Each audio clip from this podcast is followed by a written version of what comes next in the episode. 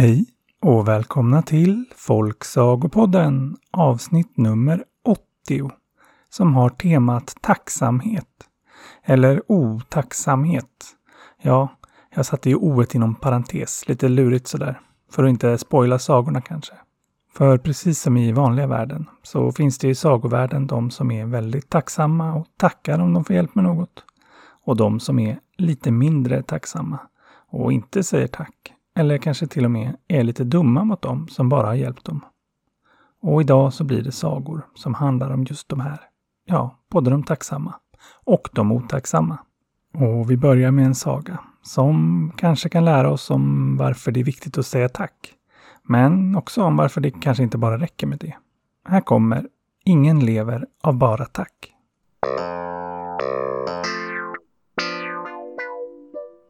Det var en gång en bonde som hade byggt upp en liten smedja. Och när han hade gjort det fick han ofta hjälpa sina grannar runt om i byn med olika saker som behövde smidas eller lagas.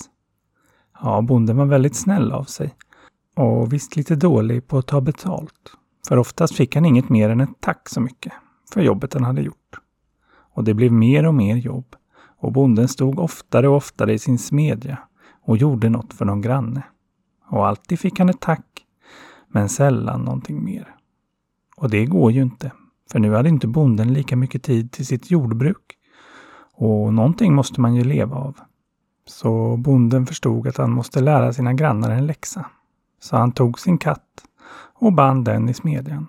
Och när han hade hjälpt någon granne och de sa tack så mycket för hjälpen, så sa bonden ge det till katten istället. Och så kom det sig att katten fick fler och fler tack. Men ingenting annat. Så katten blev ju magrare och magrare. Och snart började grannarna undra. Vad är det för fel på din stackars katt som är så mager? Den kommer ju dö snart. Matar du den inte? Jo då, sa bonden, den får allt som jag tjänar här i smedjan. Men, sa en granne, det kan ju inte vara mycket du får då, om du inte ens kan mata en liten katt. Nej, just det, sa bonden. Och så stängde han sin smedja. Vilket förstås gjorde grannarna mycket upprörda, för de hade uppskattat all hjälp. Men bonden förklarade helt enkelt att inte gick det att ha en smedja som inte ens kunde föda en liten katt. Och så matade han såklart sin katt igen.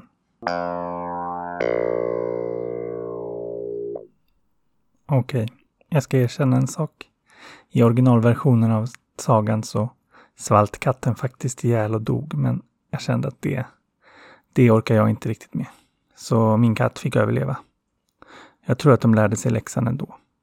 Ja, det är ju fint att säga tack, men det kan ju vara ganska bra att göra någon gentjänst också. Så att den som har hjälpt till får något igen.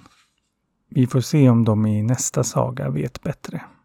Här kommer Det gröna bladet.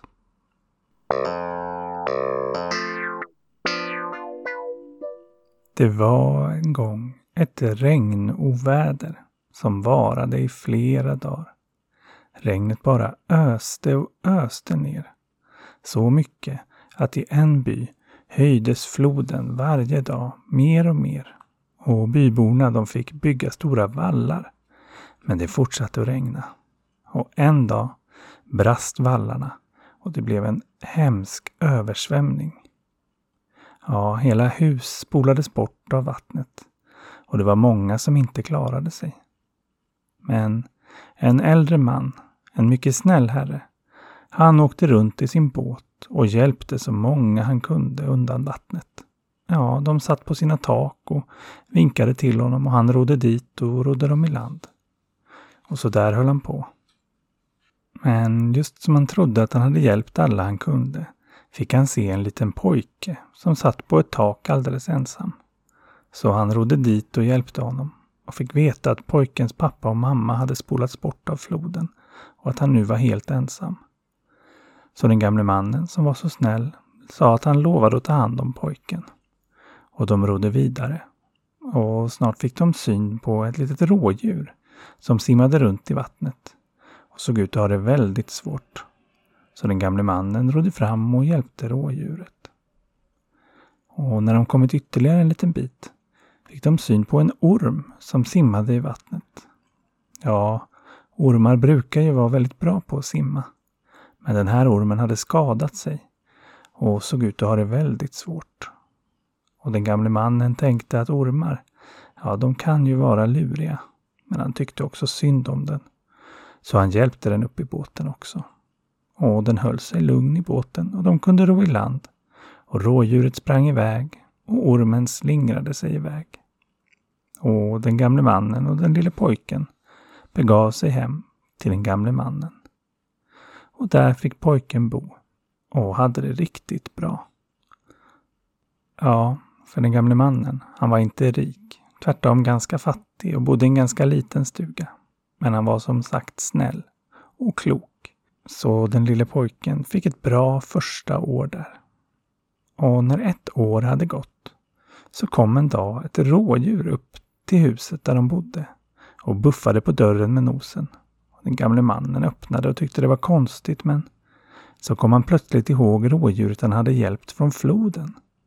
Var det inte det som hade kommit tillbaka? Jo, det var visst på pricken likt. Och det lilla rådjuret drog försiktigt tag i mannens hand med sin mun och ville dra honom med sig. Och mannen förstod att rådjuret verkade vilja att han skulle följa efter. Så det började han göra. Ja, rådjuret hoppade snabbt fram och den gamle mannen gick ganska långsamt. Men då och då stannade rådjuret och väntade in honom. Och så där gick de långt genom en skog, upp på en höjd och ner i en klyfta. Och hela tiden hoppade rådjuret lite före, stannade och väntade in den gamle mannen. Och till slut kom de fram till en grotta. Och där gick rådjuret in. Mannen tyckte det såg lite läskigt ut men han litade på rådjuret och följde med in i grottan. Där var det alldeles mörkt men han kunde se att rådjurets ögon glimmade där inne så han följde med in. Och när han väl kom in kände han att rådjuret stannat vid en stor kista. Så den gamle mannen öppnade den och genast var det som att det började lysa där inne i grottan. För kistan den var full av guld och ädelstenar. Och när den gamle mannen öppnat kistan tog rådjuret ett litet glädjeskutt och buffade mannen med nosen, som för att visa honom att han ville att mannen skulle ta med sig kistan. Det var helt enkelt hans sätt att säga tack för att han hade fått hjälp när det var översvämning. Och den gamle mannen, han släpade den stora kistan hela vägen tillbaka till den lilla stugan. Och nu var han inte längre en fattig man. Tvärtom var han väldigt rik och kunde ge sin lilla adoptivson ett ännu bättre liv. Ja, de köpte ett stort fint hus och kunde ha tjänare och leva gott. Och på så sätt kunde ju allt ha varit mycket bra. Det är bara det att den som får mycket, den vill gärna ha mer. Och sakta men säkert, medan den lille pojken växte upp, blev han mer och mer bortskämd och tyckte han förtjänade mer och mer saker. Ja, den gamle mannen, han var ju gammal när de fick alla pengar och glömde inte bort hur det var att vara fattig och var därför alltid snäll mot alla. Men den unga pojken, han glömde snabbt hur det var att ha ingenting och började snart bete sig som att han var finare än de som hade mindre än han. Ja, och likadant började han bete sig mot sin adoptivfar, som förstås blev mycket ledsen och inte visste vad han hade gjort för fel. Men han tänkte att det hade något att göra med att han hade gett pojken för mycket saker. Så han började säga nej och stopp till pojken när han bad om pengar eller saker. Och det, det gjorde den bortskämda pojken sur. Så sur att han började tala illa om sin adoptivfar runt om i byn. Ja, många var de som mindes att den gamle mannen hade hjälpt dem under översvämningen och han var mycket populär.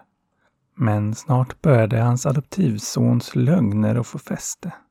Han påstod nämligen att den gamle mannen inte alls hade hittat alla de där pengarna. Tvärtom hade han stulit dem. När han hade hjälpt alla i översvämningen så hade han rott tillbaka och snott alla deras pengar. Det var därifrån hans rikedom kom. Och det här, det gjorde förstås att byborna började tycka illa om den gamle mannen. Vad fult gjort att hjälpa dem och sen sno deras pengar. Ja, snart hade den gamle mannen så dåligt rykte att självaste kungen kände sig tvingad att kalla honom till sig och ställa honom inför rätta för att han hade snott alla de där pengarna. Och den gamle mannen, han försökte förgäves förklara att han inte snott pengarna utan hittat dem i en grotta och fått hjälp av ett rådjur, men det tyckte kungen lät snurrigt. Och därför så bestämde han att den gamle mannen måste ljuga och slängde honom i en fängelsehåla. Och där satt nu den gamle mannen, mycket ledsen. Tänk hur tokigt allting blivit. Han som bara ville hjälpa. Och nu var alla arga på honom och hans egen adoptivson hade spridit ut ett hemskt rykte om honom. Och när han satt där och var ledsen fick han se hur någonting kom krälande in i hans fängelsehåla. Det var en orm. Först blev han rädd men så tittade han lite närmare på ormen och fick se att det var just den ormen han hade hjälpt en gång för länge sedan i översvämningen.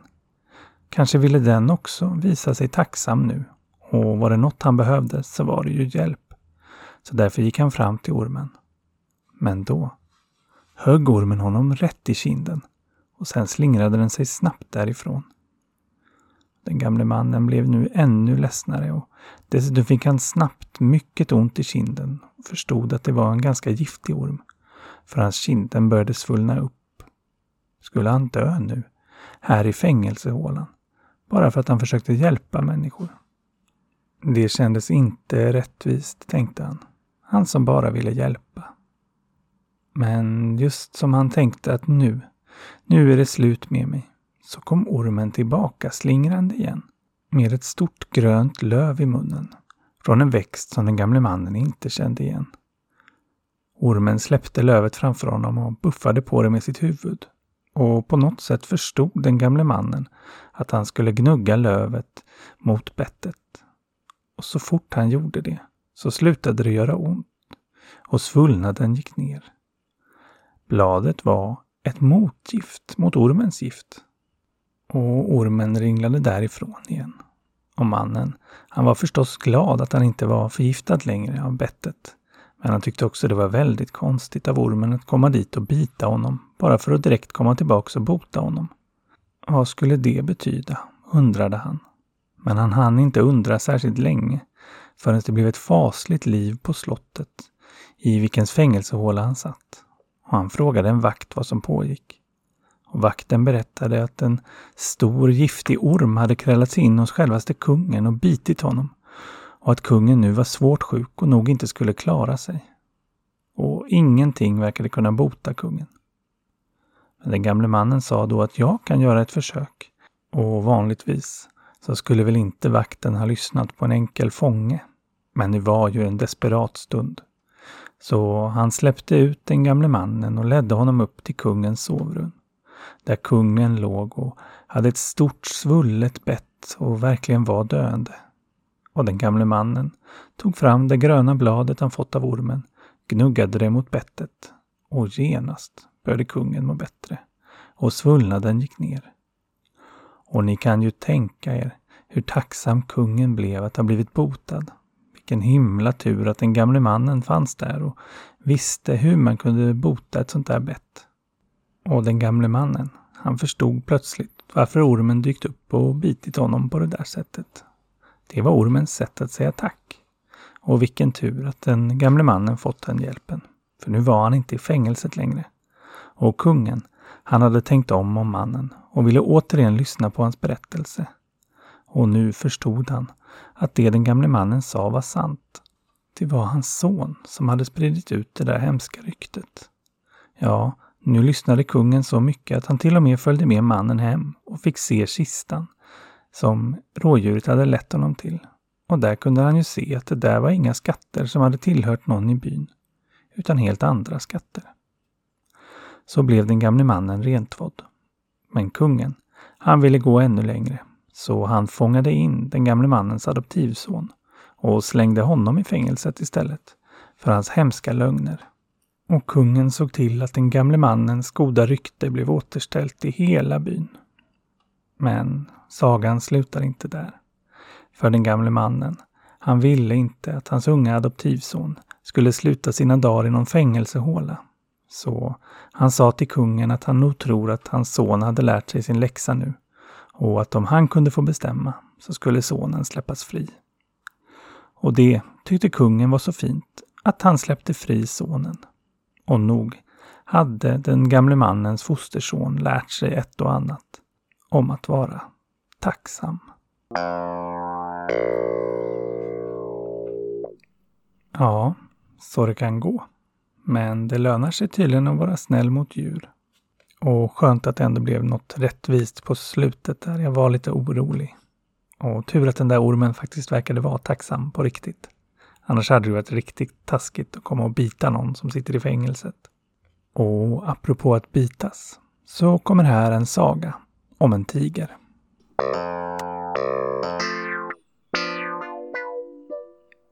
Det var en gång en ung student som var på väg till den stora staden för att skriva ett stort och viktigt prov. Så därför var ju studenten väldigt nervös. Ja, han var rent av plågad av hur jobbigt det var att inte veta om det skulle gå bra på provet. Fast han såklart hade pluggat så mycket han kunde. Men så på vägen till den stora staden så gick han förbi en tiger. Och kanske borde han ha blivit rädd. Men han hade så fullt upp att tänka på det där provet att han inte ens brydde sig om att bli rädd. Och ju närmare han kom tigern så märkte han att den inte verkade så farlig, utan tvärtom verkade ganska plågad själv. Ja, tigern låg och vred sig och kved som att den hade mycket ont. Och kanske, för att studenten själv var en sån plåga, så bestämde han sig för att hjälpa tigern. Så han gick försiktigt fram till den och frågade vad som var fel. Och som att tigern förstod, så öppnade den munnen. Och där inne kunde studenten se att ett stort vasst ben hade fastnat i munnen på tigern och gett den ett sår. Och fastän tigern var så stor och hade så många vassa tänder så stack studenten in handen och ryckte loss benbiten som hade fastnat. Och tigern, den verkade genast bli mycket tacksam. Den bugade sig djupt och slickade studenten i ansiktet innan den sprang därifrån. Och studenten kunde bege sig vidare in mot den stora staden. Och kanske släppte lite av nervositeten av att ha varit inne i en tigers mun. För provet, det gick faktiskt bra.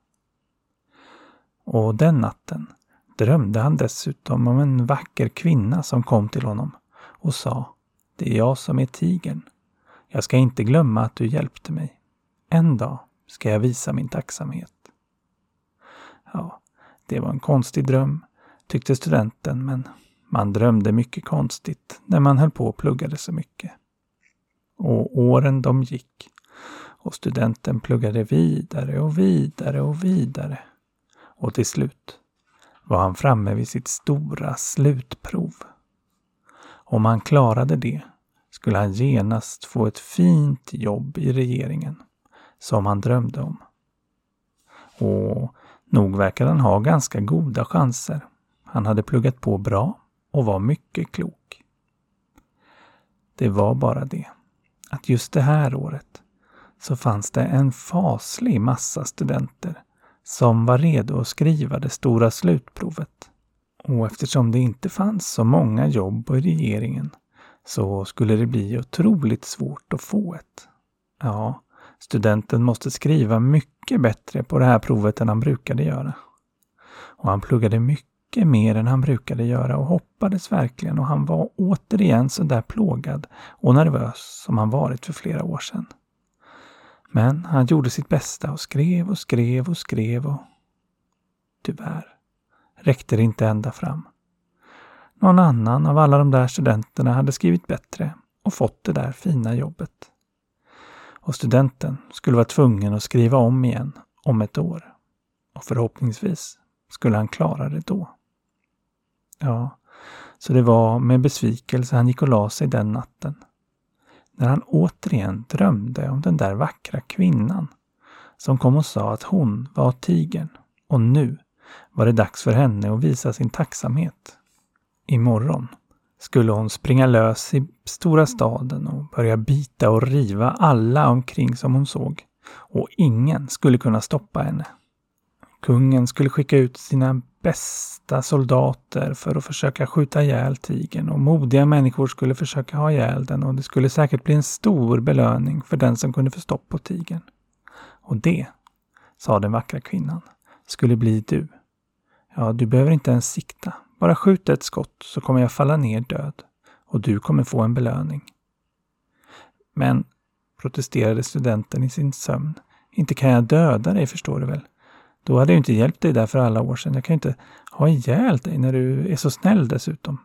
Men tigern sa att hon ändå var så gammal nu och snart skulle dö att hon gärna ville göra den här sista tjänsten till den som varit så snäll mot henne för alla de där åren sedan. Men studenten sa att det kändes ändå inte rätt. Jag kan inte skjuta ihjäl dig när du hjälper mig. Men då röt plötsligt den vackra kvinnan som en hel tiger och sa Nu lyder du mig. Dessutom så kommer jag släppa lös mig själv hur som helst imorgon och riva och bita så många människor jag kan. Om du inte gör något blir det ditt fel. Men om du skjuter ihjäl mig och sen går till det västra templet och ber om lite bönpasta så kan du smörja det på alla jag rivit och bitit. Så kommer genast deras sår att läkas. Och så tog drömmen slut. Och studenten han vaknade Väldigt förvirrad. Vad var det där för konstig dröm, tänkte han. Nog kom han ihåg den där tigen, men det kändes ju väldigt konstigt att den skulle kunna förvandlas till en vacker kvinna och besöka honom i hans drömmar. Men så fick han på förmiddagen höra om en stor och skräckinjagande tiger som hade sprungit lös in i den stora staden och börjat riva och bita alla möjliga människor. Och att kungen hade utfärdat en stor belöning till den som kunde få stopp på tigern. Men ingen lyckades träffa den av alla hans bästa soldater och massor av modiga människor som gett sig ut med alla möjliga vapen. Och studenten förstod att hans dröm måste ha varit sann. Så han tog sin lilla pilbåge, begav sig till kungen och sa att han ville gärna göra ett försök. Kungen fnös lite åt honom att en svag liten student med en sån där fånig pilbåge skulle lyckas. Det lät otroligt. Men visst fick han försöka. Så studenten tog sin pilbåge och spände den utan att ens sikta och pilen träffade rakt i den vilda tigerns hjärta som genast föll ner död. Och det blev ett jubel i staden och högst av alla jublade kungen. Men det var förstås många som var skadade också. De måste de ta hand om. Men studenten sa att han skulle nog kunna ordna det också. Begav sig till västra templet och bad om lite bönpasta och sen gick han hela dagen och smorde in alla som blev skadade av tigern. Och kan ni tänka er, deras sår, de läkte direkt. Och studenten, han blev förstås en hjälte i den stora staden. Och kungen gav honom ett mycket finare jobb än han någonsin hade kunnat plugga sig till. Och dessutom träffade han kort därefter en mycket vacker kvinna inte olik en som han en gång drömt om. Och de, de levde lyckliga. I alla sina dagar. Så bra allt blev. Men jag vet inte om jag själv skulle sticka in handen i munnen på en tiger. Ja, kanske om den verkade snäll och hade ont förstås. Men det var ju tråkigt att den behövde bli ihjälskjuten. Eller hur det nu blev. För vem var den där kvinnan som han gifte sig med sen? Ja, det får man nog hitta på lite själv. Vi ska ta en sista saga om tacksamhet. Eller ja, kanske mer om otacksamhet.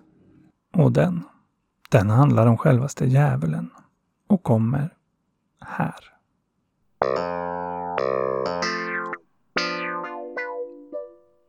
Det var en gång när självaste djävulen var ute och gick på jorden. Och han var lite irriterad för överallt hörde han människor som tackade Gud för både det ena och det andra. Men ingenstans hörde han någon som tackade honom för någonting. Och han kände att han nog gärna skulle vilja ha ett tack. Så han stannade vid en bondgård för att se om han inte kunde hjälpa bonden där med något och kanske få sig ett litet tack. Men se, det blev precis tvärtom. För en av bondens kor hade precis gått ner sig i ett lerigt kärr och satt alldeles fast. Och bonden han beklagade sig och sa Det var då själva fan att min stackars ko skulle gå ner sig så här. Det måste vara djävulens verk. Och när djävulen hörde det blev han förstås riktigt upprörd. Det var inte han som hade satt dit det där kärret. Det var väl Gud själv. Och inte var det han som hade lett ner någon ko i det. Det var väl kon själv. Men nu var det ju tack han var ute efter. Så han tänkte att jag får väl hjälpa den här bonden ändå. Så medan bonden hade gett sig iväg för att hämta hjälp för att dra upp kon, så gick djävulen helt enkelt fram och lyfte med lätthet upp kon ur kärret och tvättade till och med av henne. Så när bonden kom tillbaks så stod kon snällt bredvid kärret, ren och fin som om hon aldrig hade suttit fast. Nu, nu får jag väl ändå mitt tack, tänkte djävulen. Men bonden, han vände sig mot himlen och sa Tack Gud, ett mirakel har skett här. Ja, det är inte lätt för stackars djävulen. Men kanske inte heller helt konstigt att man inte får så mycket tacksamhet om man gjort en massa dumt innan, som väl djävulen har gjort. Ja, ja. Jag vet i alla fall att jag är djupt tacksam till alla er som vill lyssna på Folksagopodden. Och extra roligt för mig är det såklart när ni hör av er via till exempel Facebook eller Instagram där jag heter Folksagopodden. Och extra extra roligt är det om ni vill tipsa någon som ni tror skulle uppskatta podden. Ja, eller kanske dela något inlägg eller sådär. Gör gärna det. Och så är jag såklart tacksam för Anna, Viktor, Elin och MC Snack. Hörni, vi hörs igen om en vecka. Och tills dess, lev lyckliga i alla era dagar.